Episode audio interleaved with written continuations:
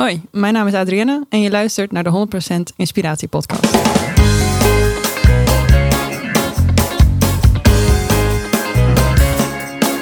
Hey, wat goed dat je luistert. Hij staat weer voor je klaar. Je wekelijkse dosis inspiratie is weer daar. De allerleukste gasten geven al hun kennis prijs. Met je veel te blije host, hij praat je bij. Zijn naam is Thijs. Thijs,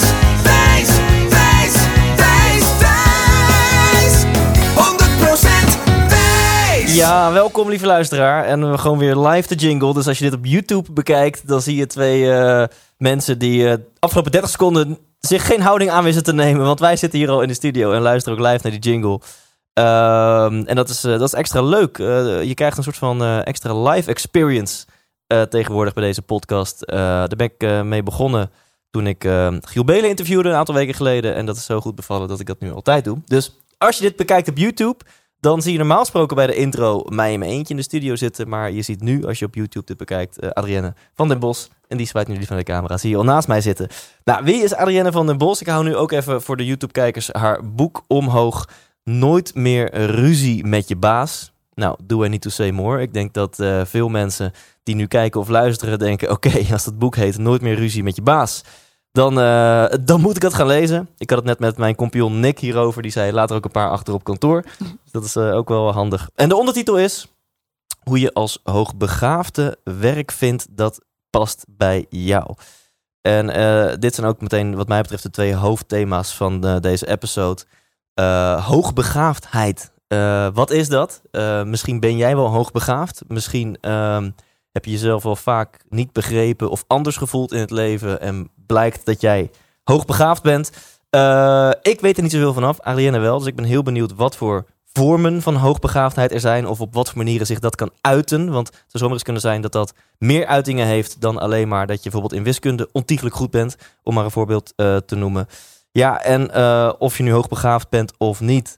Hoe kunnen we minder ruzie maken met onze baas? Eh, en als ik eventjes eh, kijk naar eh, een aantal hoofdstukken, dan hoofdstuk 3 heet Intens. Nou, dat moet jou aanspreken als luisteraar. Hoofdstuk 12, je ontsnapping organiseren. Nou, dat klinkt wel gewoon Prison Break stijl, helemaal cool. En, en we hebben iets heel erg tofs. Als je niet kan wachten, ga alvast naar thijslindhout.nl slash gifted. Maar daar ga je later in deze episode en in de outro meer over horen. Maar daar staat sowieso een bonus voor je klaar. Dus je krijgt sowieso waar voor je moeite op thijslindhout.nl slash gifted. Er staat ook een winactie voor je klaar. En ook nog een vervolgtraject, mocht je daar interesse in hebben. Eh, maar voor nu gaan we hopelijk genieten van heel veel inspiratie. Eh, geniet ervan. En hier is Adrienne van den Bos. 100% Thijs. Nou, dat was voor mij ook een eerste keer om dat zo eh, te doen. En deed goed? Dank je, dankjewel. Ja, moet ik wat mee doen? Ja, misschien moet je daar je werk van maken. Ja, ja, een podcast of zo Ja. eh, beginnen. Nou, wat een idee. Je merkt nu al dat jij een goede coach bent. Ja, dat hoor ik vaker. Ja. Ehm, ik wil even heel veel vragen aan jou te stellen. eh, maar ja, ik ga gewoon beginnen bij de bekende eerste vraag. Je kent mijn podcast, dus je weet wat dat is. Eh, lieve Adrienne, wat wil je worden als je later groot bent? Ja. ja, ik heb er natuurlijk ook al even over nagedacht. En ik vind het een hele mooie vraag, soms ook een hele moeilijke vraag. Maar waar ik voor mezelf in ieder geval op ben gekomen is dat... enerzijds ben ik ook al heel erg blij met wie ik ben geworden. En de afgelopen jaren denk ik dat ik heel erg een omschakeling heb gemaakt naar... ik ben ook al heel tevreden met wie ik ben. En niet alleen maar meer bezig met wat ik kan worden en wat ik kan zijn. En anderzijds merk ik ook dat ik heel erg ben geworden... ook soms wie ik moest zijn om te kunnen doen wat ik wilde doen. Dus ik denk als ik kijk naar de toekomst, dat ik veel meer ga bewegen in de richting van de persoon die ik dan moet zijn om mijn missie te kunnen leven.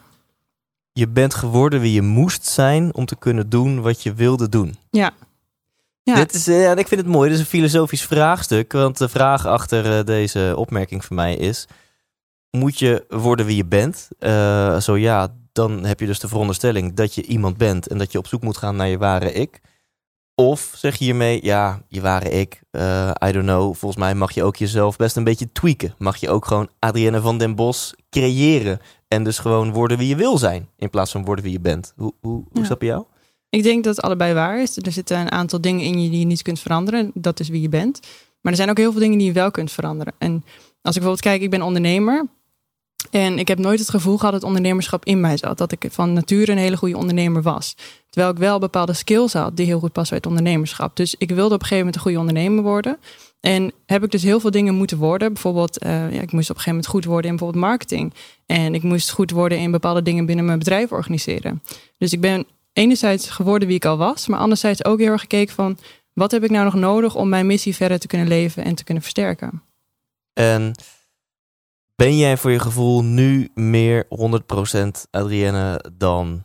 Nou, je bent in 2007 met Gifted Pe- People begonnen, dus laten we zeggen dan, eh, dan voor 2017. Eh, nee, ik denk dat ik eigenlijk al wel geweest ben wie ik was. Maar dat dat ook weer heel erg verandert. En ik geloof niet dat je één iemand bent en dat dat heel statisch is. Dat dat nooit meer verandert. Ik geloof dat je steeds weer jezelf verder ontwikkelt en doorontwikkelt. En dat je daardoor ook weer een andere versie van jezelf wordt. Die niet afdoet aan wie je daarvoor was. En zijn er fases in je leven geweest dat je wel het idee had, of dat je achteraf terugkijkt en ziet van ja, oké, toen was ik wel echt een beetje van, me, van mijn pad af aan het gaan. Niet van het padje af, maar van mijn pad af. Ja. Eh, en dat je met terugwerkende kracht ziet van ja, toen, toen moest ik echt weer even op zoek gaan naar, eh, naar mezelf of wie ik wil zijn. Ja. ja, en dat was zeker ook voor eh, het tijdperk dat ik zelf begreep wat hoogbegaafdheid was. En je bent natuurlijk als mens ben je heel erg geneigd om om je heen te kijken wat doet de rest van de mensen. Dus ik heb ook heel lang in, in een leven geleefd waarvan ik dacht, dit is de bedoeling. Dit is wat mensen van mij verwachten, dit is zoals het hoort. En tegelijkertijd heel erg het gevoel hebben, maar dit is niet wie ik ben. Maar dit is wel ja, blijkbaar wat er van mij verwacht wordt. En dan kom je op een gegeven moment eh, in een fase dat je denkt, maar wacht even, dit klopt helemaal niet bij wat ik denk dat de bedoeling is voor mij. En dan raak je heel erg van je eigen koers af. En dan krijg je vaak ook hele vervelende emoties. Soms kom je terecht in een depressie of in een burn-out. Dat zijn allemaal signalen die aangeven: dit is niet jouw koers. En je bent niet de persoon die jij eigenlijk hoort te zijn. Oké, dus de, dingen als overprikkeld, overspannen, depressie zijn signalen dat je niet op jouw koers zit. Ja, Ja. want als je kijkt inderdaad eh, naar bijvoorbeeld een depressie of een burn-out of eh, overprikkeling. Dat zijn allemaal gevolgen van een situatie waar je in zit. En dat kan zijn dat je wel helemaal 100% jezelf bent. Maar dat jij in een omgeving zit die veel te veel van je vraagt bijvoorbeeld. Dus dat zijn ook signalen dat je weet, ik moet ergens bijsturen. En ja, laten we meteen maar induiken. Want ik denk dat heel veel mensen die nu luisteren echt super nieuwsgierig zijn naar, naar het thema hoogbegaafdheid. Ehm, misschien is dat een ver van je bedshow. Of misschien ben je heel nieuwsgierig of jij of iemand in jouw directe omgeving dat heeft. En ik denk dat we als jij daar meer over gaat vertellen, dat we dat wel gaan herkennen. Ehm, de, de headphones mag trouwens af als je dat nu liever hebt. Is dat, eh, vind je dat fijn? Of wil Ik je... vind het eigenlijk wel je bent er nu wel lekker aan. Nou ja, dan- dan ik dacht eerst, nou, die gaat heel snel af, maar ik vind het eigenlijk wel fijn. Ehm, waar is dat bij jou begonnen dat je eh, ehm, ja, de- erachter kwam, ik, ik ben hoogbegaafd? Ja. Hoe, hoe, vertel eens iets over dat moment. Ja, nou, eh, ik werkte, heel, ik deed heel veel verschillende projecten. Eh, Ik had eh, best wel moeite met het kiezen van één baan en dan 9 tot 5 ergens gaan werken. Dus ik had een soort tussenoplossing gevonden. En een van de, de projecten die ik deed, daar zat ik ook in het bestuur. En de voorzitter van het bestuur, dat was iemand waarvan ik gelijk al zoiets had van wij kloppen met elkaar. Ik snap niet waarom, maar jij hebt iets waar ik eh, in één keer heel goed mee kan. En ik kan met jou bepaalde gesprekken voeren.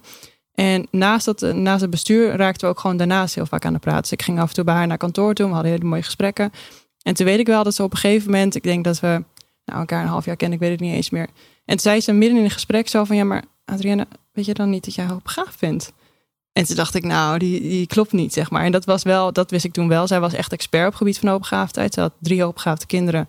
En eigenlijk uit noodzaak was zij zich heel erg gaan verdiepen erin. Dus zij was ook, nou, ik weet niet of ze de eerste was in Nederland, maar ze was heel vroeg al erbij en heel vroeg al gespecialiseerd in hoogbegaafdheid.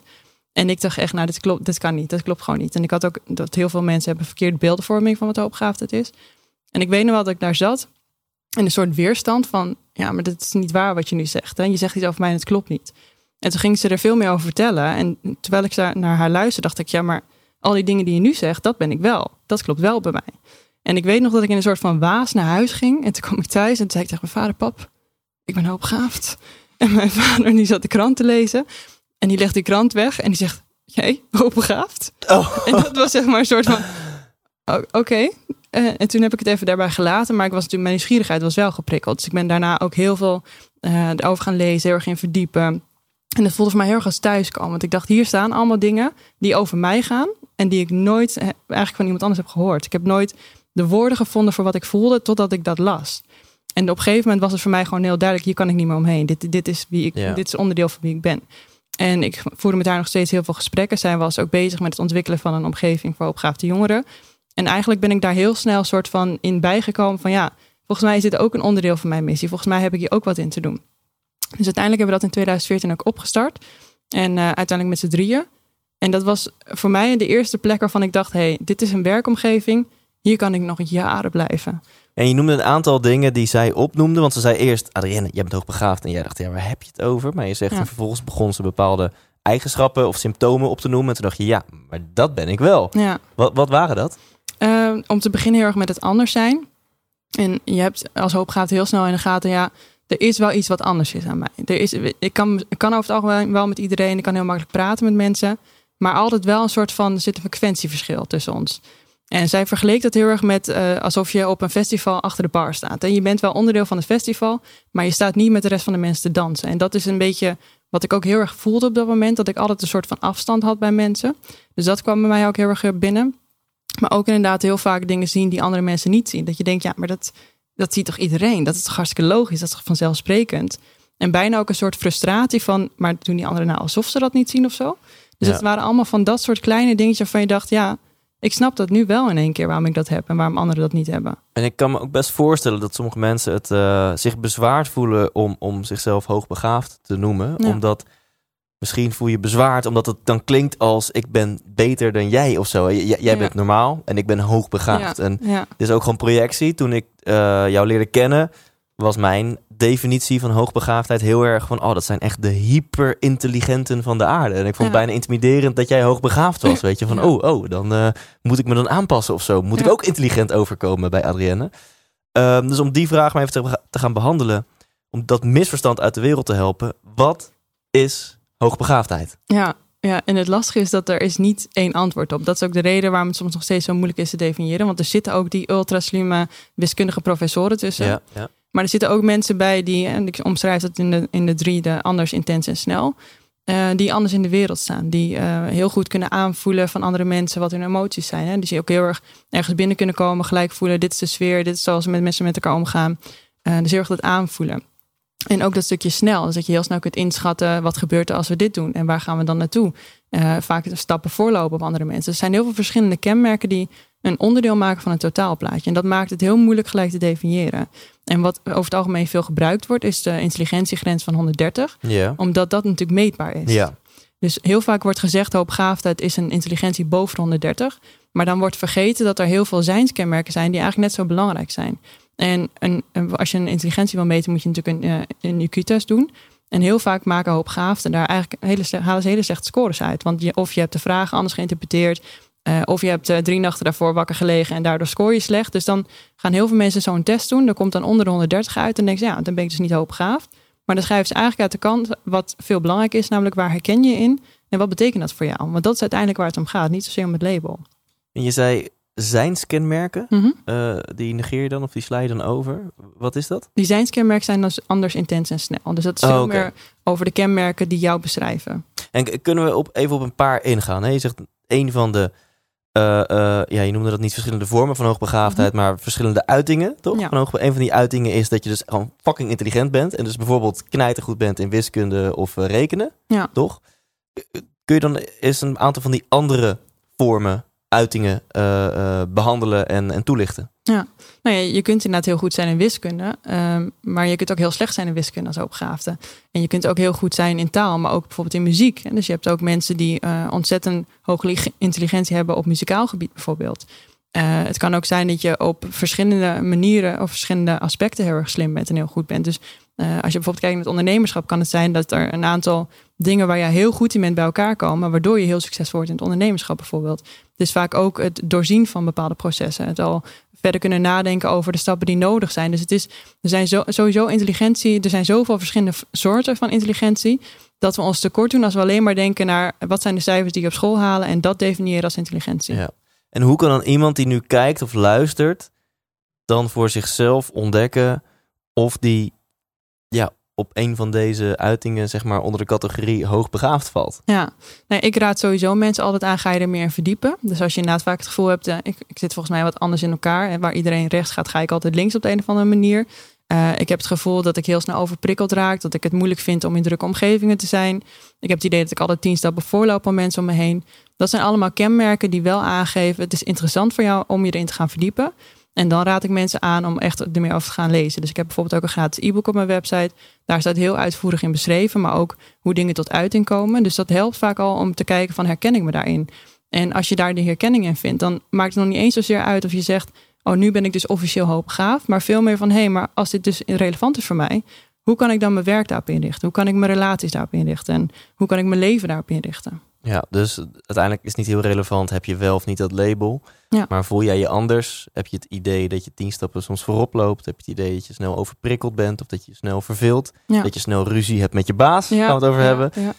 Dan zou het zomaar eens kunnen zijn dat het voor jou waardevol is om, te- om je te gaan verdiepen in het thema hoogbegaafdheid. Want als je jezelf begrepen voelt, weet ik ook uit ervaring, dan um, uh, dat is al zo'n opluchting. Dat kan denk ik voor Mhm. zoveel mensen al zo'n oh, moment Ja. zijn van, oh, oké, ik ben niet raar. Uh, Ja. Dit hebben andere mensen en ik voel me ineens begrepen. Ja. Als ik, uh, nou, dat, dat, dat e-book, hoogbegaafdheid heet dat. Ja, super, super Ik eh, ben heel waanzinnige titel. Ja, ja, precies. Die ook gewoon op thuisneer.nl slash gifted staat. Omdat jouw bedrijf heet Gifted People. Um, en en uh, ja, zonder dan een te open vraag te stellen, maar dat ga ik dan misschien stiekem toch doen. Hoe, hoe kan je dus dit soort mensen helpen? Dus, dus iemand komt erachter uh, dat je nou, een van die symptomen hebt. Dus je anders voelt, snel verveeld bent, misschien snel overprikkeld bent. Hoe, um, ja, welke, welke tips heb jij voor, voor die mensen om daar beter mee om te gaan? Ja. Nee, alles begint sowieso bij jezelf. Dus het is heel belangrijk en waardevol dat je jezelf beter leert begrijpen. Dus niet alleen met betrekking tot hoopgaven, maar ook gewoon in algemene perspectief. Hoe zit ik in elkaar? Wat is voor mij belangrijk? Uh, wat vind ik superleuk om te doen? Waar word ik blij van? Hè? Dus echt het stukje zelfkennis. En tegelijkertijd ook met de kenmerk van hoopbegaafdheid. Dus als ik me inderdaad snel verveel, hoe kan ik daar dan mee omgaan? Hè? Dus hoe kan ik dan mijn leven zo inrichten dat het misschien niet erg is dat ik me snel verveel? Of dat ik ervoor zorg dat ik elke keer de uitdaging hou in wat ik doe. Dus hoe beter jij jezelf begrijpt, hoe beter je ook weet wat je nodig hebt. En hoe beter je ook je levensgebieden daarop kunt inrichten. En ik bied daar ook een, een, programma voor om echt je daarbij in mee te nemen. Dus enerzijds van hoe wil je leven, wat heb je dan nodig? En anderzijds wat betekent hoogbegaafdheid voor jou? Want als je dat samenbrengt, dan kun je ook steeds meer je eigen leven gaan leven en steeds dichter tot jezelf komen. Dan kun je ook veel meer gelijkgestemden gaan vinden. Want Ja. je merkt ook wel, hoe meer je jezelf bent, hoe meer je ook weer de juiste mensen gaat aantrekken. Ja, en laten we de diepte induiken. Want ik wil een paar dingen die je noemt, daar wil ik echt uh, concreet uh, in gaan worden. Uh, of jou uitdagen om daar concreet in te gaan worden. Dus als we het hebben over verveling, je zegt, nou ja, dan, dan kun je ontdekken van, oké, okay, hoe kan ik voorkomen dat ik me verveel? Hoeveel kan ik er gewoon beter mee om leren gaan dat het oké okay is dat ik me verveel? Mhm. Dus om even op dat thema in te gaan, als mensen dat herkennen, ik verveel Ja. me snel. Hoe kan je daar uh, beter mee omgaan? Ja, nou, verveling komt heel veel voor bij hoopgaafden, omdat je ook sneller uitgeleerd bent op plekken. Dus je maakt heel snel jezelf dingen eigen. Dus om verveling te voorkomen is het heel waardevol dat je weet, oké, hoe kan ik ervoor zorgen dat ik steeds weer voor mezelf die volgende uitdaging helder kan maken. Dus ik noem het ook wel de uitdagingsladder. Dus dat je steeds gaat kijken, waar sta ik nu? En hoe kan ik het mezelf weer even ietsje moeilijker maken? Of hoe kan ik iets erbij pakken wat het uitdagender maakt voor mij? Dus verveling voorkomen gaat heel erg over weten wat jij nodig hebt om te blijven groeien op jouw tempo. Ja, en um, kun je ook meer oké okay zijn met, nou ja, oké, okay, ik uh, denk misschien wat sneller, dus het is oké okay dat ik me wat vaker verveel. Het is sowieso belangrijk dat je daar oké mee bent, want Ja. het gaat gewoon gebeuren. En verveling hoeft ook niet altijd negatief te zijn. Hè? Want soms is juist verveling ook weer een mogelijkheid om uh, even tot jezelf te komen, even te bezinning, omdat je niet volle focus ergens mee aan de slag moet. En je merkt ook als er andere levensgebieden zijn waar je even heel veel aandacht aan moet besteden, dat het juist heel fijn is in je werk als je daar niet overladen wordt met uitdaging. Dus het is ook niet zo dat het streven is dat je altijd weer die volgende uitdaging moet zoeken, maar dat je vooral kijkt naar wat is de juiste uitdaging voor mij op dit moment, als ik ook kijk naar mijn andere levensgebieden. En ook soms accepteren dat verveling wel onderdeel van het leven is. Want als we alleen maar bezig zijn met doen en gaan en verder komen, dan mis je ook hele waardevolle tussenmomenten waarin je gewoon weer even contact kunt maken met jezelf.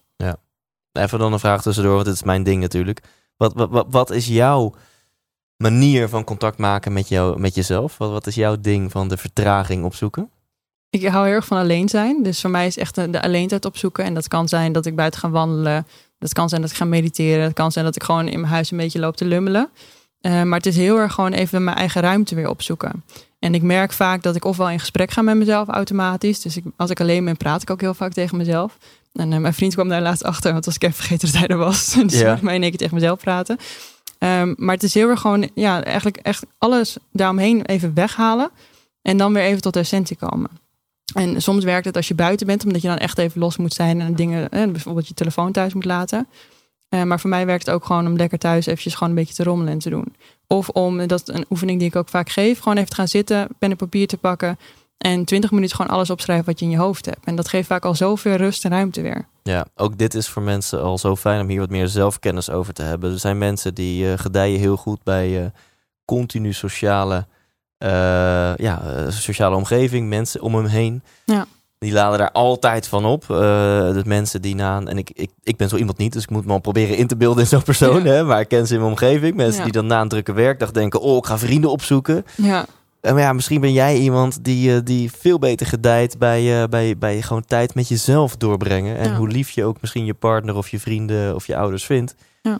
Dat je gewoon echt die tijd in je uppie eh, nodig hebt. En dat is ook helemaal oké. eh, heel oké en super fijn om van jezelf te weten. Van, oh ja, zo zit ik wel helemaal in elkaar. ja. Ja, maar dat is gewoon ook de basis. En of je nou heel graag met mensen bent of juist niet, eh, weet het en plan het voor jezelf in. En dat vinden we vaak het moeilijkste. Hè? Dat we denken van oké, we hebben alleen tijd nodig, dat is belangrijk voor ons. En dan kijken we naar de agenda en die zit helemaal vol met afspraken met andere mensen. Of andersom, hè? je bent heel graag met mensen, maar je hebt eigenlijk eh, je hebt helemaal geen tijd of ruimte voor. En je bent alleen maar andere dingen aan het doen bijvoorbeeld. Ja. En dan verlies je dat je wel jezelf kent, maar dat je niet eh, je leven er eigenlijk op inricht. En dat is denk ik het meest waardevolle. Stap 1 is dat je weet wat je nodig hebt en waar je aan oplaat. En stap 2 is dat je daar actief voor zorgt. Dus ik heb ook wel eens dat mensen mij bijvoorbeeld bellen en zeggen: Nou, kun je dan en dan? Zeg ik: Nee, dat kan ik niet. En dan kijk ik naar mijn agenda. Er staat gewoon een lege agenda. Maar ik weet, die tijd heb ik gewoon nodig voor mezelf. En dat is denk ik de grootste uitdaging in het leven. Dat je heel erg trouw blijft aan wat je met jezelf afspreekt. Ja, maar dit is priceless. Want nu wordt hij super concreet. Eh, misschien dat voor sommige mensen dit dan eye-opener is. Van ja, ik ben zo iemand die graag alleen wil zijn. Maar misschien weet je dat al van jezelf. Maar voel je je inderdaad schuldig als iemand vraagt... Yo, zullen we morgenavond eh, naar de bios gaan? Nou, dat kan nu sowieso niet meer, maar dat terzijde. Eh, en je kijkt in je agenda en hij is leeg. Dat je dan de verplichting voelt om ja te zeggen. Dan is het sociaal niet geaccepteerd om te zeggen... eh, we hebben gezeik met de opname. Kijk eventjes naar de, de producer. Nou, hi- hier neemt hij wel gewoon verder op. Dus dan doen we het hier op de backup. Oké. Ehm, dat, dat je het dan sociaal niet eh, geaccepteerd vindt om, eh, om te zeggen... nou ja, ik, eh, ik heb een lege agenda, maar ik kies even voor mezelf. Ik Ja. kies een avondje me-time. En ik denk dat nou, als je luistert en je herkent dit... wil ik je echt uitdagen... Je kan ook gewoon niet eerlijk zijn. Je kan ook gewoon zeggen, ik kan niet. Maar ik Ja. wil je eigenlijk uitdagen om een keer te zeggen... ja, nou, ik wil die avond voor mezelf vrij houden... want dat heb ik echt even nodig. Ja. ja, en ik zeg ook heel vaak: je moet de mensen om je heen ook opvoeden hoe ze met jou om moeten gaan. En ik zou juist eerder de uitdaging willen geven, zeg maar gewoon tegen mensen: nee, dan heb ik even een avond voor mezelf. Ja. En dan zul je merken, in het begin gaan ze dat misschien raar vinden of denk ja, maar het is toch gezellig om met ons te zijn. En op een gegeven moment vinden ze het heel normaal dat je dat doet. Dus het is ook eh, heel erg blijven uiten wat jij nodig hebt. Accepteer dat mensen dat misschien eerst niet begrijpen, maar dat dat op een gegeven moment dan weer de nieuwe standaard wordt als je daarover blijft communiceren. Ja, vind ik mooi. Hè? Dat je mensen een beetje mag opvoeden... of mag, mag bijleren in Ja. hoe ze met jou om eh, moeten gaan. Ja, Ehm, iets anders wat je net eh, noemde is overprikkeling. Nou, dat is iets wat ik herken. Eh, ik heb een burn-out gehad en sindsdien is de staat van zijn, eh, de, ja, de, de staat van overprikkeling, die is mij niet, niet onbekend. Ehm, en ik weet zeker dat er mensen zijn die luisteren die dit ook herkennen. Ehm, het is ook een bijzondere staat van zijn. Als je hem nooit hebt gehad, dan is het ook moeilijk om daar begrip voor te tonen. Mhm. Ehm, maar kun je wat vertellen over de, ja, de correlatie tussen je vaak overprikkeld voelen en dat je misschien wel hoogbegaafd bent? Nou, het kan ook hoogsensitiviteit zijn trouwens. Die, die twee luisteren heel nauw. Ja. Ehm, maar het is heel erg dat je heel veel dingen om je heen ervaart en tot je neemt. En dat je ook een diepere verwerking daarvan hebt. En dat, voorkom, of dat zorgt er eigenlijk voor dat je in een bepaalde omgeving ook sneller overprikkeld raakt. En het zijn vaak nieuwere omgevingen of omgevingen waar je een bepaalde druk in ervaart. Eh, dus dan neem je heel veel tot je. En dat gaat dan zo ver dat je op een gegeven moment merkt van... Oh, ik ben helemaal, ik ben echt moe gewoon. Ik moet gewoon, ik moet even gaan liggen, zeg maar. En dat zijn kortdurige momenten van overprikkeling. Maar als je dat bijvoorbeeld elke dag in je werk hebt... dan kom je op een gegeven moment in een langdurige fase van overprikkeling. En dan ga je naar bijvoorbeeld richting de burn-out. Ehm, dus het is heel waardevol om voor jezelf ook om je heen te kijken. Als je thuis komt, hoe voel je je dan? En heb je dan, ben je dan helemaal leeg? Ben je helemaal gesloopt? Of denk je van nou, ik heb eigenlijk nog wel wat energie... en ik kan nog wel wat doen wat ik, wat ik leuk vind, wat ik belangrijk vind. Dus dat zijn al signalen waar je in ieder geval dagelijks naar kunt kijken. En ja, stel jij zou mij coachen en ik zou zeggen, ja, ik ben vaak helemaal gesloopt na een werkdag. Is dan in jouw ogen per definitie, eh, eh, heb ik dan de verkeerde baan? Want mijn baan kost energie. Of zeg je, nee, dat hoeft helemaal niet het geval te zijn, maar je moet wat beter ermee om leren gaan. Of, of, zo hoe mensen die dit herkennen, ik voel me gesloopt aan het einde van een werkdag. Welke adviezen heb je voor hen? Ja, sowieso eh, vind ik het heel grappig dat heel vaak mensen al denken: oh, dan moet ik gelijk een andere baan Ja. kiezen. Ja. dat- dit, eh, als het niet kan, of als ik nu overprikkeld raak, oh, dan gaat alles fout en dan moet ik eh, mijn- baan opzeggen. Eh, maar over het algemeen is het veel meer kijken van: oké, hoe ziet je dag er nou uit? En wat werkt en wat werkt niet voor jou? Dus als jij bijvoorbeeld merkt, ik heb de hele dag hier op kantoor gezeten en eh, ik zat tussen allemaal mensen en ik hoorde overal telefoons afgaan en de deur ging open en dicht en de kraan druppelt en de kopieerapparaat gaat af. Dat zijn allemaal kleine dingen die ervoor kunnen zorgen dat je overprikkeld raakt. Terwijl je werk misschien super leuk is en je krijgt super veel energie van je werk en wat je doet. Dus dan ga je veel meer kijken naar wat zijn de omstandigheden waarin ik werk en hoe kan ik die aanpassen zodat ik dus niet die overprikkeling ga ervaren. Dus dat komt ook weer terug op leer jezelf kennen. Weet waar je goed bij gaat en waar je niet goed bij gaat. En durf vervolgens ook om te vragen. Als jij ergens werkt en je werkt in een kantoortuin, dus je hebt heel veel mensen om je heen en je denkt, ja, dit trek ik gewoon niet. Ga dan naar je baas toe en zeg: eh, Dit past niet bij mij. Kunnen wij iets regelen? Ja. Kan ik thuis werken? Heb jij een aparte ruimte voor mij beschikbaar? Want heel veel mensen zijn best wel geneigd om met je mee te kijken, maar je moet er wel om gaan vragen. Dus mensen die, die de emotie of de staat van zijn van overprikkeling herkennen, zijn mensen waarbij prikkels gewoon veel harder binnenkomen. Ja, En eh, dus als je zo iemand bent, wees lief voor jezelf. Je bent niet eh, zwakker dan anderen, maar Ja. bij jou komt het gewoon veel intenser binnen. ja, En als je iemand bent die dat niet heeft, wees lief voor mensen in je omgeving die dat wel hebben. Eh, Ja. bij jou komt het gewoon minder intens binnen. ja. En dat zijn geen aanstellers, die andere mensen, maar Ja. ja, ja die eh, ja, staan gewoon sneller in het rood. ja. Ehm, Het is ook wel mooi dat je dat zegt naar aanstellers, want er wordt heel vaak, eh, je bent te emotioneel, je bent te gevoelig, eh, jij trekt je overal wat van aan. Dus dat zijn vaak ook signalen van mensen die gewoon niet helemaal begrijpen wat je dan hebt en waar je dan last van hebt, zeg maar. En die kunnen dan ook heel snel dat aan de kant schuiven. Ja, doe, doe maar gewoon even normaal. Doe maar gewoon mee, weet je. Het is toch niet zo, eh, het is toch niet te groot, het is niet te druk hier. Valt toch allemaal wel mee? Ja. Ja. Ja, nee, dat, dat ik heb, eh, dit, ik herken deze. Ik heb geen idee of ik hoogbegaafd ben, op wat voor manier dan ook, maar ik eh, herken deze heel erg. En ook echt een, echt, ja, gewoon een kutgevoel als, als vrienden of zo je daar Ja, niet in begrijpen. Ja, gast, eh, lig je nou weer eh, op de bank of zo? Of eh, Ja. weet je wel, je kan nu toch gewoon meegaan naar dat feestje? Of, of Ja. nou, dat soort dingen. Dat je echt denkt, ah, dit doet gewoon pijn, man. What the fuck? Ik, ik ben geen mietje, maar ah, geef me even een beetje begrip. Dit is gewoon even, dit is wat ik nodig heb. ja. Ja, en het lastige is dat als je dat heel vaak krijgt te horen, dat je op een gegeven moment denkt van, oké, ik ben dus niet normaal, hè, want normaal is dus dat ik wel meega. En dan ga je dat maar gewoon doen. Dus dan ga je je eigen grenzen voorbij en dan ga je iets proberen vol te houden wat niet bij je past. En dan kom je uiteindelijk ook weer in zo'n burn-out terecht. Ja, dan kom je in zo'n visueuze cirkel van dus niet trouw Ja. zijn naar jezelf. Niet eerlijk kunnen zijn naar het feit dat jij die rustmomenten nodig hebt. Gaan Ja. conformeren naar de groep, de verwachtingen van je vrienden managen. En dan ga je heel snel eh, Ja. de verkeerde kant op. Ja, En je noemde even snel eh, tussendoor van nou, hoogsensitiviteit Mhm. en hoogbegaafdheid. Dat is een dunne lijn. Ja. Kan je daar wat over vertellen? Ja, wat ik vaak eh, aangeef is, als je kijkt naar de drie hoofdkenmerken, anders, intens en snel, dat het anders en het intense heeft ook heel veel overlapping met hoogsensitiviteit. Dat komt ook vaker voor bij mensen. Dat is 1 op de 5 mensen in plaats van 2,5% wat hoogbegaafd is. En het stukje snel, dat gaat, verwijst eigenlijk meer naar wat hoogbegaafdheid inhoudt. Dus dat is een bovengemiddelde intelligentie. Dat is eh, sneller denken dan de mensen om je heen. Dat de stappen voorlopen. Dus echt dat stukje snel gebruik ik vaak als onderscheidende factor. Eh, maar wanneer ben je... Wat is het verschil tussen hoogsensitief zijn en hoogbegaafd zijn? En je zou kunnen zeggen officieel dat dat betekent bij hoog, hoogbegaafd ben je, heb je een intelligentie van boven de 130 en bij hoogsensitiviteit niet. Dat is eigenlijk de, de meetbare factor. Maar ook daarbij liggen dingen gewoon heel dicht tegen elkaar aan. hè. Dus er zijn ook wel eh, serieuze onderzoekers en wetenschappers die zeggen ja, die 130 dat, dat hebben we met elkaar afgesproken, dat is zo. Ehm, maar als jij 129 bent, eh, kun je dan per definitie niet hoogbegaafd zijn. En dat is natuurlijk dat is een hele interessante, dus een hele interessante vraag. Laten we het over je boek hebben. Nooit meer ruzie met je baas. Ja. Om te beginnen, wat maakt dat je die titel hebt gekozen? Want het had ook kunnen heten persoonlijke ontwikkeling voor hoogbegaafden, bijvoorbeeld. Ja. maar het heet Nooit meer ruzie met je baas. Kun je dat toelichten? Ja, ik, was, eh, ik wist al een tijdje dat ik een boek ging schrijven, ook over dit onderwerp. En ik was een beetje ook aan het nadenken over de titel. En ik zou inderdaad, eh, dat was een soort, soort titels dat ik dacht, ja, dat eh, weet ik niet of ik daar zelf heel blij van word. En toen was ik aan het nadenken van wat vind ik nou heel passend, maar wat vind ik ook, als je het ergens ziet liggen, dat je denkt, hé, hey, wacht even, wat is dit? Weet je, wat, Mhm. dat het gewoon een interessante titel heeft. Mhm. En toen moest ik op een gegeven moment denken dat ik heel vaak tijdens interviews tegen mensen, als mensen dan vroegen, ja, maar hoe merkte je dat dan in de werkomgeving? Dat een van mijn antwoorden was, ik had steeds ruzie met de baas. En toen dacht ik, hé, hey, dat vind ik eigenlijk wel een hele interessante titel ook. En die ben ik vervolgens gaan eh, testen ook bij mensen, bij mijn proeflezen. Wat vind je daarvan? Uiteindelijk heb ik ook het hele boek echt om die titel heen gebouwd. Dus ik kan nou ook niet meer anders als ik zou willen. Ja. Maar eh, ik vind het gewoon heel leuk dat het ook een beetje met een knipoog is. Het is ook een beetje een grapje. Eh, en het is ook tegelijkertijd heel treffend. Want als hoogbegaafde heb je gewoon een grotere kans dat je in conflicten komt. Omdat je anders denkt, omdat je anders bedraad bent.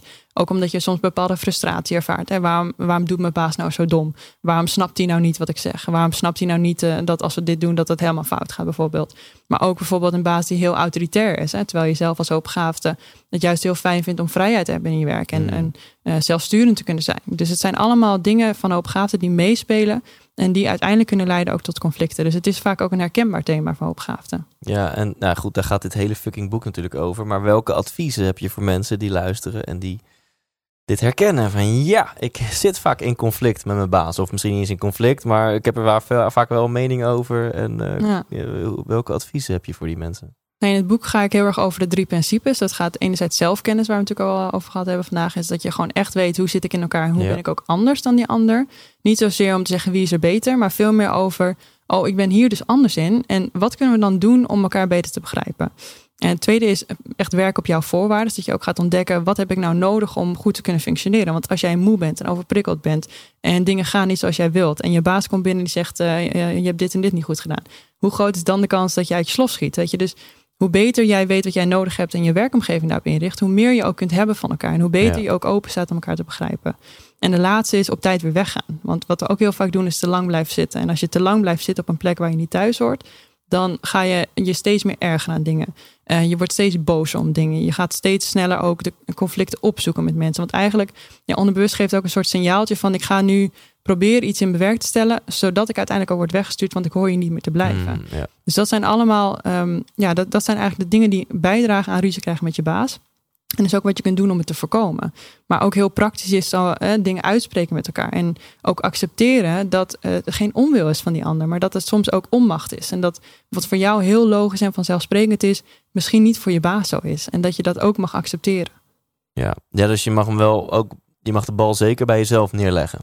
Voordat je gaat denken, ja. mijn baas moet veranderen. Ja, ja. En als jij heel intelligent bent en je hebt heel veel kennis van wat je aan het doen bent. En jouw baas komt binnen en die zegt iets en je denkt, nou, dit is te dom voor woorden. Heeft hij dit, meent hij dit nou serieus of is het een grapje?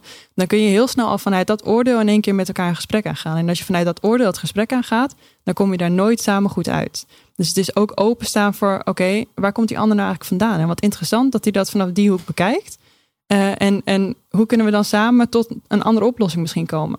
En je noemde drie dingen. Eén is zei je zelfkennis. Hè, En de laatste was eh, eh, op tijd vertrekken. Wat, wat Ja. was die middelste ook weer? Werk op jouw voorwaarden. Werk op jouw voorwaarden. En ik denk dat dat wel de moeilijkste is, omdat ja, dat vergt dus wat van jezelf. Zelfkennis Ja. vergt in actie komen. Wat je al eerder dit interview zei, van nou ja, zelfkennis is schattig, maar je moet vervolgens wel in actie gaan komen, in lijn daarmee. Ik denk dat dit heel lastig is. Eh, al kom je in actie, ja, hoe, hoe ga je dan toch... Hoe ga je dat dan met je baas regelen dat je wat meer op jouw voorwaarden kan, eh, kan, kan gaan werken? Want ja, jouw baas heeft meer mensen onder zich en zijn protocollen en werkwijzes. En joh, leuk snotneus, maar eh, we doen het toch zo. Weet Ja. je wel? Hoe, hoe, hoe, kan je daar, eh, hoe kunnen mensen die luisteren ervoor zorgen dat ze meer op hun voorwaarden hun werk mogen doen? Sowieso al om niet aan te nemen dat je baas zo in elkaar zit. ja. Want dat eh, nodigt niet echt uit om het gesprek met elkaar aan te gaan. Maar het hoeft, vaak, het hoeft niet per se hele grote aanpassingen te zijn. Hè? Dus eh, in het boek geef je daar ook tips voor. Je kunt heel erg gaan onderzoeken wat zijn de kleine aanpassingen die ik zelf al kan doen. Want als jij merkt van eh, ik zit bijvoorbeeld in een ruimte en het is super licht daar en ik kan er echt niet tegen. Ga dan misschien andersom zitten. Weet je? Dus sommige dingen kun je zelf al heel laagdrempelig doorvoeren. En vervolgens ga je kijken wat zijn nou de grotere aanpassingen die je wenst. Dus als jij merkt ik kan eigenlijk niet op kantoor werken. Dat is gewoon, dat past niet bij mij. Ik ben echt iemand die thuis moet werken dan kun je in ieder geval dat gaan voorleggen aan je baas. En je baas zal misschien zeggen, ja, dat vinden wij niet prettig, zo werken wij niet. En dan zeg je, nee, dat snap ik. Maar kunnen we anders een pilot draaien? Dat ik gewoon een paar dagen ga proberen en dan kijken we gewoon hoe dat bevalt. Weet je, dus het is soms ook weten dat eh, bij die ander misschien een bepaalde angst zit als ze dingen gaan doen die ze misschien was, was ze gewoon niet weten hoe dat kan of hoe dat gaat uitpakken. En dat je zegt, ja, maar we kunnen er ook nog op terugkomen. Dus dat je het eigenlijk zo makkelijk mogelijk maakt voor Ja. die ander om met Ja. jou mee te bewegen. Ja, maar dit vind ik lekker. Uh, now we're talking about leiderschap. Persoonlijk leiderschap. Dus dat je jezelf kent. Je komt in actie. Gaat het gesprek aan met je baas. En dan zelfs dan, als die nog met drempels komt. Dat je gewoon creatief bent. Van oké, ik snap je. Ja, Maar laten we dan een pilot doen. Ja. Geef me eens één maand de tijd om ja, vaker thuis te werken. Of uh, weet ik veel, uh, in een aparte ruimte te zitten. Of uh, meer vrijheid te krijgen. Of om niet meer uren te schrijven. Whatever. ja. En dus ja, de live on your terms, zeg maar. Ja. En waar je vaak ook achter komt, is dat eh, heel veel bazen best wel geneigd zijn om met je mee te denken. Natuurlijk zitten er een paar tussen die, eh, die staan nergens weer open en dat moet allemaal heel strak. Ja. Dan moet je misschien op een gegeven moment wel gaan afvragen: is dat de plek waar je heel gelukkig gaat worden? Maar over het algemeen, kijk, het is voor een werkgever net zo belangrijk dat jij tot je recht komt. Want dan kun je de meeste waarde leveren. Ja. Is de kans dat je ziek wordt zo klein mogelijk. Dus het is altijd ook in het belang van jouw werkgever om aan te geven wat jij nodig hebt. En weet je, de meeste bazen zijn niet helderziend. Dus geef het aan, leg het voor. Nee, nee krijg je soms, dat is ook prima. Ja. Dan kun je dan vervolgens weer kijken wat je daarmee doet. Maar als je het niet vraagt, dan ga je het ook nooit voor jezelf creëren. Ja, en zoveel mensen, en jij natuurlijk niet als luisteraar van deze podcast, maar zoveel mensen gaan dan liggen rollenbollen in hun ellende en met hun vrienden lekker roddelen over de baas. En terwijl, ja. maar heb je al iets geprobeerd? Ben je al echt in actie gekomen? Weet je Ja. wel? En ja, heel schattig dat je nu je energie steekt om een beetje aandacht te krijgen Ja, van, eh, van je dierbaren, omdat jij eh, zo'n klote baas hebt. Maar eh, ja, misschien moet je je energie gaan steken in, in actie komen. En ja. ja, ook een beetje moed bij elkaar rapen en gewoon Ja. eh, het leven op, je, op jouw voorwaarden gaan leven. Ja, maar dat is het ook. En het is heel comfortabel om te zeggen, het ligt aan die ander. Mijn baas, die, eh, die zorgt ervoor dat ik, dat ik zo leef en dat mijn werk zo slecht gaat. Weet je? Dus, en op het moment dat je het omdraait en je zegt van ja, maar als ik de eigenaarschap daarover neem, dan zou ik het voor mezelf al veel leuker kunnen maken. Ik zou veel meer kunnen betekenen voor het bedrijf. En dan is die baas, die ik nu steeds een klootzak noem, is het misschien eigenlijk wel een hele vriendelijke gast. Mhm. En, en mensen die nu luisteren, ik weet dat ook veel ondernemers luisteren, dus mensen die luisteren en zelf baas zijn, moeten die dit boek aan hun medewerkers geven of is dat een heel slecht idee? Eh, nou ja, dat zou- zou sowieso goed zijn. Ehm, en aan het einde van het boek staat er ook nog een stukje over ondernemerschap. Maar het is, kijk, de principes die erin staan gelden voor iedereen. Of je nou hoopgaaf bent of niet. En dit boek heeft een extra inslag met hoopgaafdheid. Omdat er dingen in zitten waar je als hoopgaafd gewoon vaker tegenaan loopt. Maar voor elke werknemer en elke werkgever is het belangrijk dat je weet. En dat je van elkaar weet, wat heb jij nou nodig om goed werk te kunnen verrichten. Om plezier te hebben in wat je doet. En ja, eh, als goede leidinggevende eh, moet je ook niets liever willen dan dat mensen gepassioneerd en gemotiveerd Ja. zijn en dat ze anders eh, hoofdstuk 12 gaan toepassen, je ontsnapping organiseren. Ja, Toch? Ja. Je hebt liever dat mensen er in sneltreinvaart achter komen dat ze niet bij het bedrijf passen en dan gewoon oprotten, dan dat ze daar blijven. ja, En ehm, ja, hoe doe je dat? De ontsnapping plannen, hoofdstuk 12. Ja. Nee, dat lees je in mijn boek. Ja, ja. Ja. Nee, maar mensen luisteren naar deze podcast om Ja. gewoon van de, de, de auteur himself, herself, eh, de samenvatting te horen. Ja, nee, de ontsnapping eh, voor jezelf organiseren gaat heel erg in dat je gaat nadenken: oké, hoe ga ik hier zo meteen passend weg? Hè? Want het Ja. is niet de bedoeling dat je je baas opbelt en je zegt: Nou, eh, vriend, we hebben het leuk gehad, maar ik kom morgen niet meer, dus je regelt het maar. Ja. Maar dat je heel erg gaat nadenken over: oké, als ik me ga voorbereiden op mijn, eh, op mijn weggaan hier, hoe kan ik dat dan zo goed mogelijk doen? Dat ik hier de dingen goed achterlaat, dat ik ook met een, ja, eigenlijk op een goede manier kan terugkijken, dat ik de hand kan schudden straks. Ja. En dat ik ook weet wat gaan zo meteen mijn volgende stappen zijn. Dus als ik hier wegga, wat zou ik dan willen doen? En je ontsnapping organiseren betekent dus ook dat je daar op tijd mee begint. Dus niet als je al eh, eigenlijk al helemaal aan je einde bent, maar al dat je daarvoor weet van ja, maar volgens mij heb ik een volgende stap te maken. Ik ga me daar eens in verdiepen. Wat betekent het dan? En dan ga je eigenlijk weer diezelfde cirkels door. Kijken we naar jezelf. Wat heb je nodig? Waar ben je naartoe op weg? Hoe zit je in elkaar? Ja. Eh, hoe wil je zo meteen werken op jouw voorwaarden? Dus wat is dan een passend nieuw werk voor jou? En vervolgens ga je dat in actie zetten. Dus je gaat al een beetje om je heen kijken. Je gaat uit, je gaat met mensen erover hebben. Je gaat misschien al in vacaturebanken kijken. Of je gaat tegen mensen zeggen, nou, wat ik wil, dat bestaat nog niet. Dus ik ga het zelf creëren. Dus dat is veel meer voorbereiden op de stap die zo meteen komen gaat. En jij, eh, jij coacht ook best wel veel mensen ehm, online, eh, middels een programma en ook via eh, live sessies online. Ehm, ja, dus jij, jij ontmoet, spreekt, voelt, proeft heel veel eh, hoogbegaafden. Wat is Ja. nu, ehm, wat zijn een van de meest voorkomende probleemvragen? Hè? Een van de meest voorkomende vragen waar mensen mee zitten, die Ja. jij eh, ontmoet in jouw programma en coachings. Het is soms heel praktisch. Dus hoe ga ik met bepaalde dingen om op mijn werk? Eh, maar het verschil is ook een beetje, zijn mensen al, de- zijn ze bijvoorbeeld er net achter of zo op gaaf zijn of weten het ook heel lang? Want als je er net achter bent, dan ben je veel meer aan het zoeken van, hé, hey, dit verklaart iets voor mij. Dus ook, het is gewoon heel fijn om te weten, oh, ik ben dus niet de enige. Ik ben inderdaad niet die enige gek, maar er zijn andere mensen die dat ook hebben. Mhm. Dus dan is het veel meer een soort van. Eh, is dit ook, dus dan krijg ik heel vaak vragen. Ik heb dit, is dat ook, komt dat ook door hoopgaafde bijvoorbeeld? Eh, maar ik heb eh, mensen die wat langer in zitten of die ja, gewoon al wat meer over, over zichzelf weten. Is het bijvoorbeeld, hoe kan ik mijn werk beter inrichten? En hoe zorg ik ervoor dat ik me niet verveel in mijn baan? Hoe zorg ik ervoor dat ik de aanstelling met mijn collega's beter kan maken? Dus het ligt ook maar net aan waar mensen de druk op leggen. Soms is dat werk, soms is dat relaties met andere mensen, soms is dat gezondheid. Hè? Hoe kom ik uit mijn burn-out? Hoe kom ik uit mijn bore-out? Ehm, dus het ligt ook weer, het is eigenlijk heel divers. Dat vind ik juist ook wel het leuke. Ja. En ehm, even kijken, wat wil ik daarover vragen? Nou, laat ik dan maar een andere vraag tussendoor stellen. In welke zin is het een, ehm, is het een zegen? Eh, en in welke zin is het een vloek om Ja. hoogbegaafd te zijn? Eh, om bijvoorbeeld een heel concreet voorbeeld te geven, een vloek en een gave, dat, dat zeg ik ook wel eens vaak. Ehm, als je bijvoorbeeld alles ziet wat de mogelijkheden zijn, en wat de kansen zijn, wat de beren op de weg zijn, en je loopt al tien stappen voor, dan kun jij je heel goed voorbereiden wat komen gaat. Maar het is soms ook een vloek, omdat jij al ziet wat er gaat gebeuren en de rest kan daar nog niet in mee. En dus je ziet vaak ook, dat is ook een van de profielen die ik beschrijf in het boek, de voorspeller. En dat zijn mensen die eigenlijk al jaren voorlopen op wat zij denken dat de samenleving bijvoorbeeld zo meteen nodig hebben. Maar nu, in deze samenleving, zien heel veel mensen dat niet. Dus je krijgt geen eh, financiering en mensen snappen je niet. En je krijgt de hele tijd de vraag van, eh, hoe kom je nou tot die stappen? We snappen je niet. Kun je niet iets langzamer gaan voor ons? We kunnen je niet bijhouden.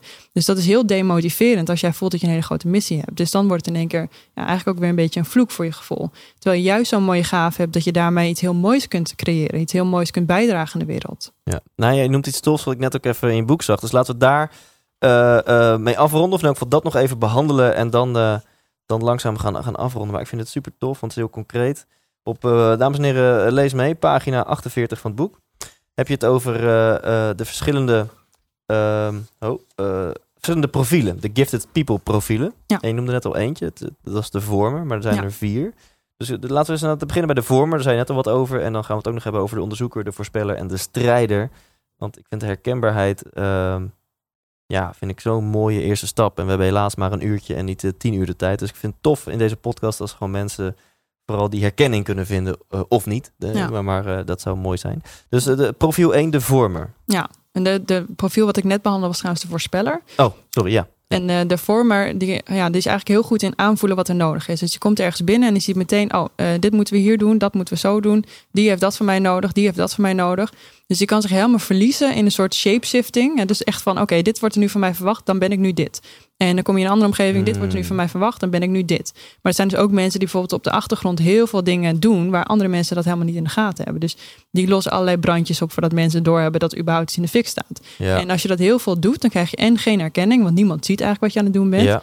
Eh, en heel veel dingen worden niet structureel opgelost. Want als jij oh, de hele tijd, zeg maar, eh, de, de, blus, de brandjes aan het blussen bent voordat ze ontstaan, of voordat mensen ze doorhebben, dan blijven ze ontstaan. Ja. En als jij aangeeft van hé hey joh, eh, die brievenbus die staat nou al voor de vierde keer in de fik, misschien moeten we daar iets aan doen, dan gaan mensen pas met je meedenken. Dus als vormer kun je soms heel erg verliezen in alle ballen in de lucht houden, overal mee bezig zijn. En andere mensen hebben dan helemaal niet in de gaten wat je precies doet. Ja, dus, dus pleasen, verwachtingen van anderen managen, dat is, Ja. zijn kenmerken van de vormer. Ja, maar ook dat mensen je heel snel weten te vinden. Want oh ja, jij weet altijd alles wel. Eh, en dan zit jij in één keer in je weekend thuis en dat je denkt, oh ja, ik, ik moest ook nog het werk van Pietje doen. En eh, mijn eigen werk moest ik eigenlijk Ja. ook nog doen. En dan is het in één keer weer maandag en heb je eigenlijk alleen maar gewerkt. Omdat je allemaal beloftes had gemaakt. En de, de vormer is eigenlijk de, de barbapapa. Ja, Die, die voegt zich overal naar de situatie. Wat heeft de situatie nodig? En hoe kan ik me weer schikken en nuttig maken? Wat wordt nu van mij verwacht? Dus die vergeet eigenlijk om stil te staan bij van ja, maar wat wil ik? ja, ja of die, ja, die gaat zo makkelijk mee in wat andere mensen verwachten. En die vindt het zo vanzelfsprekend dat eh, eigenlijk vergeten wordt, zijn- wat zijn eigenlijk mijn grenzen? Ja, En dus als je hele Ja. duidelijke grenzen hebt, dan is het juist heel waardevol als je goed kunt inschatten wat hebben andere mensen van mij nodig. Hè? Wat kan ik hier nu doen Ja. om eh, zoveel mogelijk waarde te kunnen leveren? Want jij weet namelijk, als vrijdagavond komt bijvoorbeeld, en dat is mijn grens, dan stop jij met werken. Dus dan is er niets van de hand. de onderzoeker, profiel 2. Ja, de onderzoeker is heel erg van het onderzoeken. Ja, het is heel creatief bedacht. Ja. Wow! Ja. Die komt even binnen. Ja, dat Die dacht ik. Ja, ja, Ik, ik wou al zeggen, ga er even zitten, maar dat eh, zat je al. Nee, maar de onderzoeker houdt zich heel erg bezig met waarom vragen. Waarom is dit zo? Waarom doen we dit zo? Hoe zit het dan in Mm. elkaar? hè? Dus eh, die ziet iets voor zich en die zegt: Ik ga het gewoon even uit elkaar halen, kijken hoe het werkt. En dan zet ik het misschien wel weer terug in elkaar als ik er zin in heb. Eh, maar dat zijn mensen die dus heel goed ook processen kunnen doorzien. Die heel goed kunnen begrijpen als we A doen waarom dat zo werkt. En wat dan echt het fundament van iets is. En het zijn ook mensen die je bijvoorbeeld als je ze alleen leidt, dat ze hele, hele interessante dingen gaan ontwikkelen en ontdekken. Bijvoorbeeld. Het zijn ook vaak de uitvinders. Dus dat zijn mensen die echt willen begrijpen hoe iets zit. En vanuit daar soms ook weer iets nieuws kunnen maken. Ja, ik heb het idee dat- de onderzoeker bij, eh, nou, laat ik zeggen, bij, bij mezelf houden. Bij mij zou zo'n persoon wel eens in mijn allergie kunnen zitten. Want ik wil dan gewoon rauw douwen en door en gaan. Ja. En dan, ja, maar waarom dit? En moet het niet zo? En, en Ja, maar tegelijkertijd ben jij ook wel een onderzoeker. Want jij bent ook heel erg van, ik wil begrijpen hoe dit zit. Waarom is dit zo? Waarom doen we dit zo? Dus ik snap wel Ja, dat zo. als mensen dat bij jou doen, dat je daar heel snel klaar mee bent. Want dat heb ik nou precies hetzelfde. Maar tegelijkertijd wil je wel zelf heel goed weten, eh, oké, we gaan dit nu doen, maar waarom gaan we dit eigenlijk zo doen? Is, het, niet, is het niet slim om het misschien anders te doen? Of heb je hier wel eens over nagedacht? Dus het is soms, dat is ook wel grappig, dat je juist ook een hele grote allergie kunt hebben voor iets Nee, net bent. dat zegt, denk ik, Ja. als ik dan zelf de, de rouwdouwer ben en eh, zo'n onderzoeker die gaat mij een beetje lopen ondermijnen, nou in mijn taalgebruik merk je Ja. al, eh, dan denk ik, hallo, ik ben echt niet achterlijk hoor. Ik heb er, ik Ja. zie dat ik het nu improviseer. Ik heb hier knijter goed over nagedacht. Ik weet echt wel waar ik het over heb, dus we gaan gewoon die kant op. Maar inderdaad, als iemand anders dat bij mij doet, dan ben ik die gast van, ja, maar ho, eh, kan je me even meenemen in het denkproces? Want ik weet eigenlijk niet of het de beste optie is. eh. Ja, precies. Oké, drie, de voorspeller. Dat Nee, de voorspellen Ja. inderdaad waar we net over hadden, is dat zijn vaak mensen die eh, echt al zoveel stappen voorlopen dat Ja. heel veel mensen niet kunnen bijhouden. Dus Ja. ik geef ook in het boek het voorbeeld. Jij staat eigenlijk, jij staat al in je dromenhuis en de rest staat nog in de modder. Ja. Weet je, dus het is soms heel moeilijk om die twee werelden met elkaar te rijmen. En een hele mooie gave, een hele mooie kant daarvan is dat jij ook mensen vanuit je visie kunt meenemen in dingen. Dus jij kunt heel goed, eh, jij kunt dat droomhuis zien en jij kunt andere mensen eigenlijk in jouw enthousiasme daarin meenemen om dat droomhuis te gaan bouwen. Eh, maar voor andere mensen is dat helemaal niet tastbaar. Dus die denken, Ja. het droomhuis, wij, wij zien het niet. Wij Ja. snappen het niet, zeg maar. Ja. Dus dat kan soms heel, ja, heel vervelend zijn als voorspeller zijn. Dat je voelt, ik heb dit te doen, ik wil daar naartoe. En zij snappen me nog niet. Ze zijn daar nog niet. Oh, ik herken dit zo bij veel van mijn ondernemersvrienden. Dat die dan in de business... eh, inderdaad, om in deze metafoor te blijven... zij zien al die villa helemaal voor zich. En dan nemen ze even snel mensen mee in een schetsje van die villa. Aannemende dat iedereen nu ook die villa in geuren en kleuren voor zich ziet. Ja. En dan, ja, hier moet even een paaltje in de grond. En dan mensen, ja, maar, maar- maar een paaltje... En dan, ja, jezus, je begrijpt toch al dat hier het paaltje moet, omdat Ja. die villa, weet je. Nee, Ja. mensen, nee, jij, jij bent eh, tien stappen verder en mensen begrijpen dat toch even niet eh, Ja. zo goed. Ja. en dat zie je bijvoorbeeld ook bij een eh, Elon Musk. En die, Ja. die gewoon heel De, duidelijk... de we CEO van. Tesla. Ja, precies. Dit is heel duidelijk wat we moeten doen. En eh, wat ik, ik heb ook een van zijn boeken gelezen daarover. En wat hij dus heel erg denkt bij zijn personeelsleden. Zegt, Ja. oké, eh, binnen drie weken is dit klaar. Want het is gewoon heel simpel, toch? Iedereen ziet dit, iedereen snapt dit, let's go. Ja. En dan na drie weken zegt het zijn team, ja, maar dat, dat kan helemaal niet, joh. Wij zijn nog niet eens op de helft. En, weet je, en als voorspeller vergeet je soms dat mensen ook niet op jouw snelheid mee kunnen, niet op jouw denksnelheid mee kunnen. Dat dingen altijd anders gaan als dat jij van tevoren had gedacht. En als je daar je team niet op kunt voorbereiden en als jij de- wel die verwachting over je heen legt, dan krijg je heel erg een mismatch en dan krijg je op een gegeven moment ook frictie. Eh, helder. Strijder, de laatste, nummertje vier. Ja, de strijder is, is heel erg kritisch. Dus die kan ergens binnenkomen die zegt: Ja, eh, ik vind het eigenlijk niet eh, de juiste manier van schaken. Dus dat is, het is ook bijvoorbeeld de klokkenleider. Dus op het moment dat er ergens iets niet klopt, dan gaan zij heel hard aan de bel trekken. En dat is, daar zijn ze dan zo, daar krijgen ze zoveel emoties bij, dat ze daar ook Hmm. heel heftig op kunnen reageren. Ja. Dus dan, dat soort mensen krijgen ze ook regelmatig ruzie met de baas. Want die snappen dus niet waarom de baas dat doet. Want het is toch helemaal niet eerlijk, het is helemaal niet redelijk, het is helemaal niet rechtvaardig. Ja. Dus die reageren heel heftig ook vooral op dat rechtvaardigheidsstuk. ja. Ik heb meteen te denken al... eh, dat, dat, dat bijvoorbeeld een strijder, eh, eh, denk ik dan meteen, zou misschien heel goed functioneren op een soort van kwaliteitsfunctie. Ja. Voor een kwaliteitscheck. Maar die Ja. moet niet zeg maar eh, ergens op het creatieve proces zitten, want dan gaat hij telkens de boel Ja. afremmen. Ja, precies. En ook bijvoorbeeld bij een start-up is het ook niet altijd heel erg handig. Want als een start-up, dan ben je nog heel erg bezig met eh, hoe gaan we dingen doen? Wat is de beste manier daarvoor? Je kunt niet altijd de kwaliteit nog leveren die je eigenlijk zou willen. En als strijder kan het heel moeilijk zijn. Want je ziet de hele tijd, ja, maar dit gaat niet zoals, het zou, zoals we het hebben Ja. beloofd. Dit gaat niet zoals het eigenlijk zou moeten, bijvoorbeeld. Ja. En daar kun je heel erg door worden afgeleid in je eigen werk. Want het voelt voor jou zo groot en zo belangrijk dat je ook zelf eigenlijk je eigen werk aan de kant schuift. Omdat jij denkt, ja, maar ik heb nu een missie. Ik moet dit nu oplossen. Want dit is onrechtvaardig wat hier Ja. gebeurt. En dat kan soms heel mooi zijn. Alleen in de verkeerde omgeving kun je daar wel jezelf mee slopen. Ik vind dit echt tof. Ik hou hiervan, super concreet. En alleen al door het delen van die profielen vind ik het al inspirerend. Om, om, om jezelf te herkennen, anderen te herkennen. En Ja. dat, dat, dat leidt meteen al tot meer begrip. Ja, Uh, maar gelukkig als mensen meer willen, hebben we in elk geval een heel tof e-book Ja. voor ze klaarstaan. Ja. Genaamd Hoogbegaafdheid. het is meer dan je denkt, hè? Het is Dat- meer dan ja. je denkt. En, en ehm, wa- waar gaat het e-book? Ja, waar gaat het over hoogbegaafdheid? Maar wat, wat gaan mensen ehm, leren in dat e-book? Ik neem mensen heel erg mee in wat hoogbegaafdheid is. Want er zijn gewoon nog heel veel misvattingen over. Ja. Bijvoorbeeld dat het alleen maar de, de wiskundige genieën zijn... die Ja. in de krant komen en die eh, de universiteit al af hebben op 13 jaar. En Maar er zitten gewoon heel veel meer aspecten aan hoogbegaafdheid. Dus dat e-book neemt heel erg mee in die verschillende aspecten. Maar ook heel beeldend. Dus dat je ook gewoon voor jezelf gaat begrijpen... hoe dat in je eigen leven tot uiting kan zijn gekomen. En dat je gewoon een beter beeld krijgt bij wat hoogbegaafdheid nou precies is. En dat het niet maar één ding is. Tof. Nou, dat, voor duidelijkheid, dat is gewoon helemaal gratis voor noppen. Hè? Ja. Lieve luisteraar, staat gewoon voor je Ja. klaar. En wat ik tof vind aan jou, ja, je hebt, je hebt ontdekt dat je dit zelf hebt. Je hebt ook ontdekt dat je een missie hebt om andere mensen te helpen. Mhm.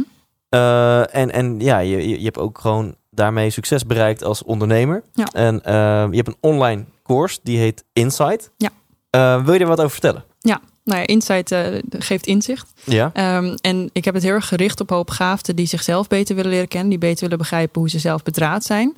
eh, en wat hoopgaafden voor hen betekent. En dat ze er ook achter komen wat hun blauwdruk is. En de blauwdruk gaat heel erg over wat heb jij nodig in je werk, in je relaties, in je leven, in je gezondheid. Zodat je heel duidelijk krijgt, dit zijn de voorwaarden waarop ik mijn leven wil inrichten. En daaromheen zitten natuurlijk ook dingen als eh, wat gebeurt er als je dat gaat communiceren. Dus eh, hoe ga je om met de angsten die komen kijken met bepaalde stappen. Eh, hoe zorg je ervoor dat je niet alleen maar grote plannen en wensen hebt, maar dat je ook gewoon heel praktisch kunt naar, maar wat kan ik dan nu doen om daar te komen? En dat je er ook voor zorgt dat het een onderdeel wordt van je leven. Dus dat het niet iets is wat je nu een keertje doet en dat je daarna zegt, nou, klaar, heb gedaan, ik heb, die, ik heb Insight doorlopen en nu ben ik klaar. Maar dat je het veel meer gaat, gaat zien als iets wat je eigenlijk voor de rest van je leven kunt gebruiken om steeds weer te kijken, wat is mijn volgende stap? Wat heb ik nu nodig en wat kan ik dan doen? Ja, dus eh, even de bekende vraag, want ik ben hier enthousiast over. En natuurlijk wil ik ook mijn luisteraar iets bijzonders aanbieden. Mhm. Dus daarom vraag ik het. Welke, welke resultaten kunnen mensen verwachten als ze dit programma hebben afgerond? Of nou, wat je zegt, het is een ongoing iets. En je, Ja. je houdt ook eh, lifetime toegang tot Ja. alle modules. Eh, ehm, welke resultaten kunnen mensen verwachten als ze dit programma volgen? En het kan bijvoorbeeld heel praktisch zijn dat ze naar hun werk kijken en dat ze inderdaad begrijpen van hé, hey, ik, ik ben heel snel overprikkeld geraakt of eh, ik kom steeds in conflicten met mijn baas en dat heb ik nu niet meer. Ik heb mijn werk beter kunnen inrichten. Kan ook heel praktisch zijn, ik weet nu wat ik zoek in werk en ik ben dat gaan creëren voor mezelf. Dus eh, wat je vaak ziet bij hoopgaafden is dat ze niet binnen heel veel strakke functies passen, maar dat ze wel bijvoorbeeld een aanpassing kunnen maken in bepaalde functies. Dus eh, op het moment dat jij helder hebt van hey, dit is mijn blauwdruk en dit is wat ik belangrijk vind dat ik, wat ik wil, dan kun je daar gewoon mee naar je baas gaan. En zeg je, dit is wat ik eigenlijk nodig heb om hier goed tot mijn recht te kunnen komen. Wat kunnen we samen doen, bijvoorbeeld? Hè? Dus dat je het heel praktisch eigenlijk maakt, terwijl je voor jezelf een blauwdruk hebt waar je altijd op kunt terugvallen. Dit is wat ik belangrijk vind. Wat betekent dat voor mijn dagelijks leven? Ik vind alleen tijd belangrijk. Wanneer ga ik dat dan doen? Dus dat zijn hele concrete resultaten. Maar het is natuurlijk ook, wat ik heel vaak merk bij mensen, heel fijn om te weten, oh, er zijn andere mensen zoals ik. Deze Ja. mensen, want er zit ook een community bij, die snappen dat. Die snappen mijn vraagstukken. Die snappen hoe ik denk. Die kunnen me volgen. Die, eh, die houden van de snelheid waarmee ik praat, bijvoorbeeld. Ik ben zelf ook een hele snelle prater. Dus ik heb vroeger ook heel vaak gehoord: je praat veel te snel. Je moet echt langzamer leren praten. Nou, ik val bijna zelf in slaap dan op een gegeven moment. ik kan dat gewoon niet. Dat past niet bij mij. Zeker als ik enthousiast word, ga ik heel snel praten. En ik probeer wel daarop te letten, dat mensen het nog wel een beetje kunnen volgen. Ja. Maar wat voor mij bijvoorbeeld, wat ik ook heel erg leuk vond toen ik de coaching sessie begon te doen daarmee in Insight. Dat ik op een gegeven moment van heel veel hoogbegaafden kreeg te horen. Oh, wat fijn dat je zo snel praat. Want wij hadden normaal gesproken, als we een YouTube-video aanzetten, moesten we altijd zeg maar, eh, twee keer de snelheid doen om het een beetje te kunnen volgen. Dus wat je heel erg merkt, dat vind ik zelf ook leuk, maar dat zie ik ook bij de deelnemers, is dat je bepaalde dingen bij elkaar gaat herkennen. En dat het dan ook in één keer wordt van, oh wat fijn, dan kan ik dat gewoon accepteren dat ik zo ben. En dan hoef Ja. ik dus niet zo hard te vechten om iets anders te proberen te zijn. Ja, ja. Dus mensen eh, krijgen wel degelijk ook eh, ehm, live Q&A's met jou. Ja, er zitten twee wekelijkse live online coaching sessies bij. Daar Ja, kunnen mensen aan deelnemen, maar ze kunnen ook gewoon alle sessies terugkijken. Ja, tof. En dan toch een beetje die onderzoeker in mij. Hoe Ja. ziet het eruit? Zijn het video's? Is het, eh, zijn het modules? Hoe, wat, wat, hoe ziet het eruit? Allebei. Dus ik, ik ben heel erg een schrijver. Dus ik ben begonnen met alleen modules, dat mensen dat konden lezen. Maar ik merkte dat sommige mensen het ook fijn vinden om het op video of op audio te kunnen be- bezien en luisteren. Dus ik heb er nu ook video's aan toegevoegd, dat mensen dat op die manier kunnen doen. Dat ze als ze onderweg zijn, dat ze het kunnen beluisteren. Of als ze het fijn vinden om via video informatie te ontvangen, dat het ook kan. En er zitten werkboeken bij, dus eh, de online werkboeken die ze kunnen invullen, zodat ze ook echt aan de slag kunnen met eh, Ja. de modules. Oké, heel cool. Nou, waarom ik hier naar vraag is omdat ik voor jou als luisteraar echt iets heel tofs heb klaarstaan. Want Insight bied jij aan voor 2400 euro op jouw website. Ja. Maar ik heb echt een doldwaze bonus Ja. ehm, voor 10 mensen. Want ja, De eerste je, 10, Je ja. gaf al aan, ja Thijs, dat kan ik natuurlijk niet oneindig lopen doen. We hebben hier interesse in. Ehm, ga dan naar, eh, ook naar thijslindert.nl slash gifted. Daar Ja. krijg je dus het gratis e-book. En daar vind je ook meer info over deze doldwaze bonus. En eh, als Ja. nog niet die eerste 10 zijn vergeven, dan, eh, dan kun je daar gewoon lachend bij zijn. En Ja. het is dus, nou, we gaan echt iets heel tofs doen met dat bedrag. Ja. En ehm, ja, ik was je een beetje aan het uitknijpen. Ik zeg, ja, ik kan je niet nog iets extra's doen? En jij hebt zelfs het valkuilenprogramma. Ter waarde van 1200 euro. Doe je er even gratis bij. Ja, precies. Wat is dat? Ja, het valkuilenprogramma gaat heel specifiek in op bepaalde ja, valkuilen waar je in kunt trappen. Dus het gaat bijvoorbeeld over aanpassen, of over snel verveeld zijn, of over prikkeld zijn. Dus er zijn een aantal valkuilen die ik gewoon heel veel voor zie komen bij opgaafden. En die modules gaan specifiek in op hoe ga je daar dan beter mee om. Ja, tof. En we verloten ook nog gewoon drie boeken. Hè? Ja, Nooit meer ruzie met je baas. Dus wil je zo'n boek winnen? Wil je het gratis e-book Hoogbegaafdheid. Of wil je weten wat voor turbo doldwaze bonus we hebben voor het Insight-programma? Check dan even thuislintert.nl slash gifted. En je hebt ook nog wat liefs in het boek gezet Ja. hè, voor iedereen. Hè? Ja. Dus dat boek wat je kan winnen hou ik nu echt in mijn handen. Dat is extra bijzonder. Ik heb hem vastgehouden. Nee, dat is heel flauw. Ehm, maar super superleuk en lief eh, om jou... eh, ehm, ja, dat, dat je je kennis deelt hier in de podcast. Ehm, maar we willen nog meer. Heb je nog aan het einde van dit, dit interview... een laatste wijze les of een laatst wijs inzicht, insight... voor de mensen die kijken of luisteren? Ja, nee, ik ja, denk dat het ook een beetje de rode draad van dit interview is. Dat je gewoon heel goed moet kijken naar hoe je in elkaar zit. En dat je daar ook helemaal oké mee mag zijn. En vervolgens mag gaan kijken hoe richt ik dan mijn leven op basis daarvan. Dus in plaats van wie moet ik zijn om overal aan te kunnen voldoen, om overal in te kunnen passen. Dat je veel meer gaat kijken hoe pas ik de leefomgeving om mij heen aan, zodat het bij mij past. Ja, dit, dit vind ik tof. Bedoel, We kennen allemaal wel in de zelfhulp, eh, in de boeken, in de podcasts, in de seminars van eh, nou, stop met het leven van verwachtingen van anderen. Ga jezelf niet aanpassen naar je omgeving. En jij klapt hem om. Die is nieuw voor me. Dat vind ik tof. Pas je omgeving gewoon aan aan jou. Ja. Ja, Tof? ja maar het Toch? is ook hoe beter jij jezelf bent, hoe beter je ook de juiste mensen en de juiste omgeving gaat aantrekken. Cool. Ja, ik ga op allemaal knopjes drukken en eh, de, de, de, deze afle- aflevering afronden. Nice. Thanks, box. Yes. Bam. Ik heb mijn handen gedesinfecteerd. Het is helemaal veilig dit.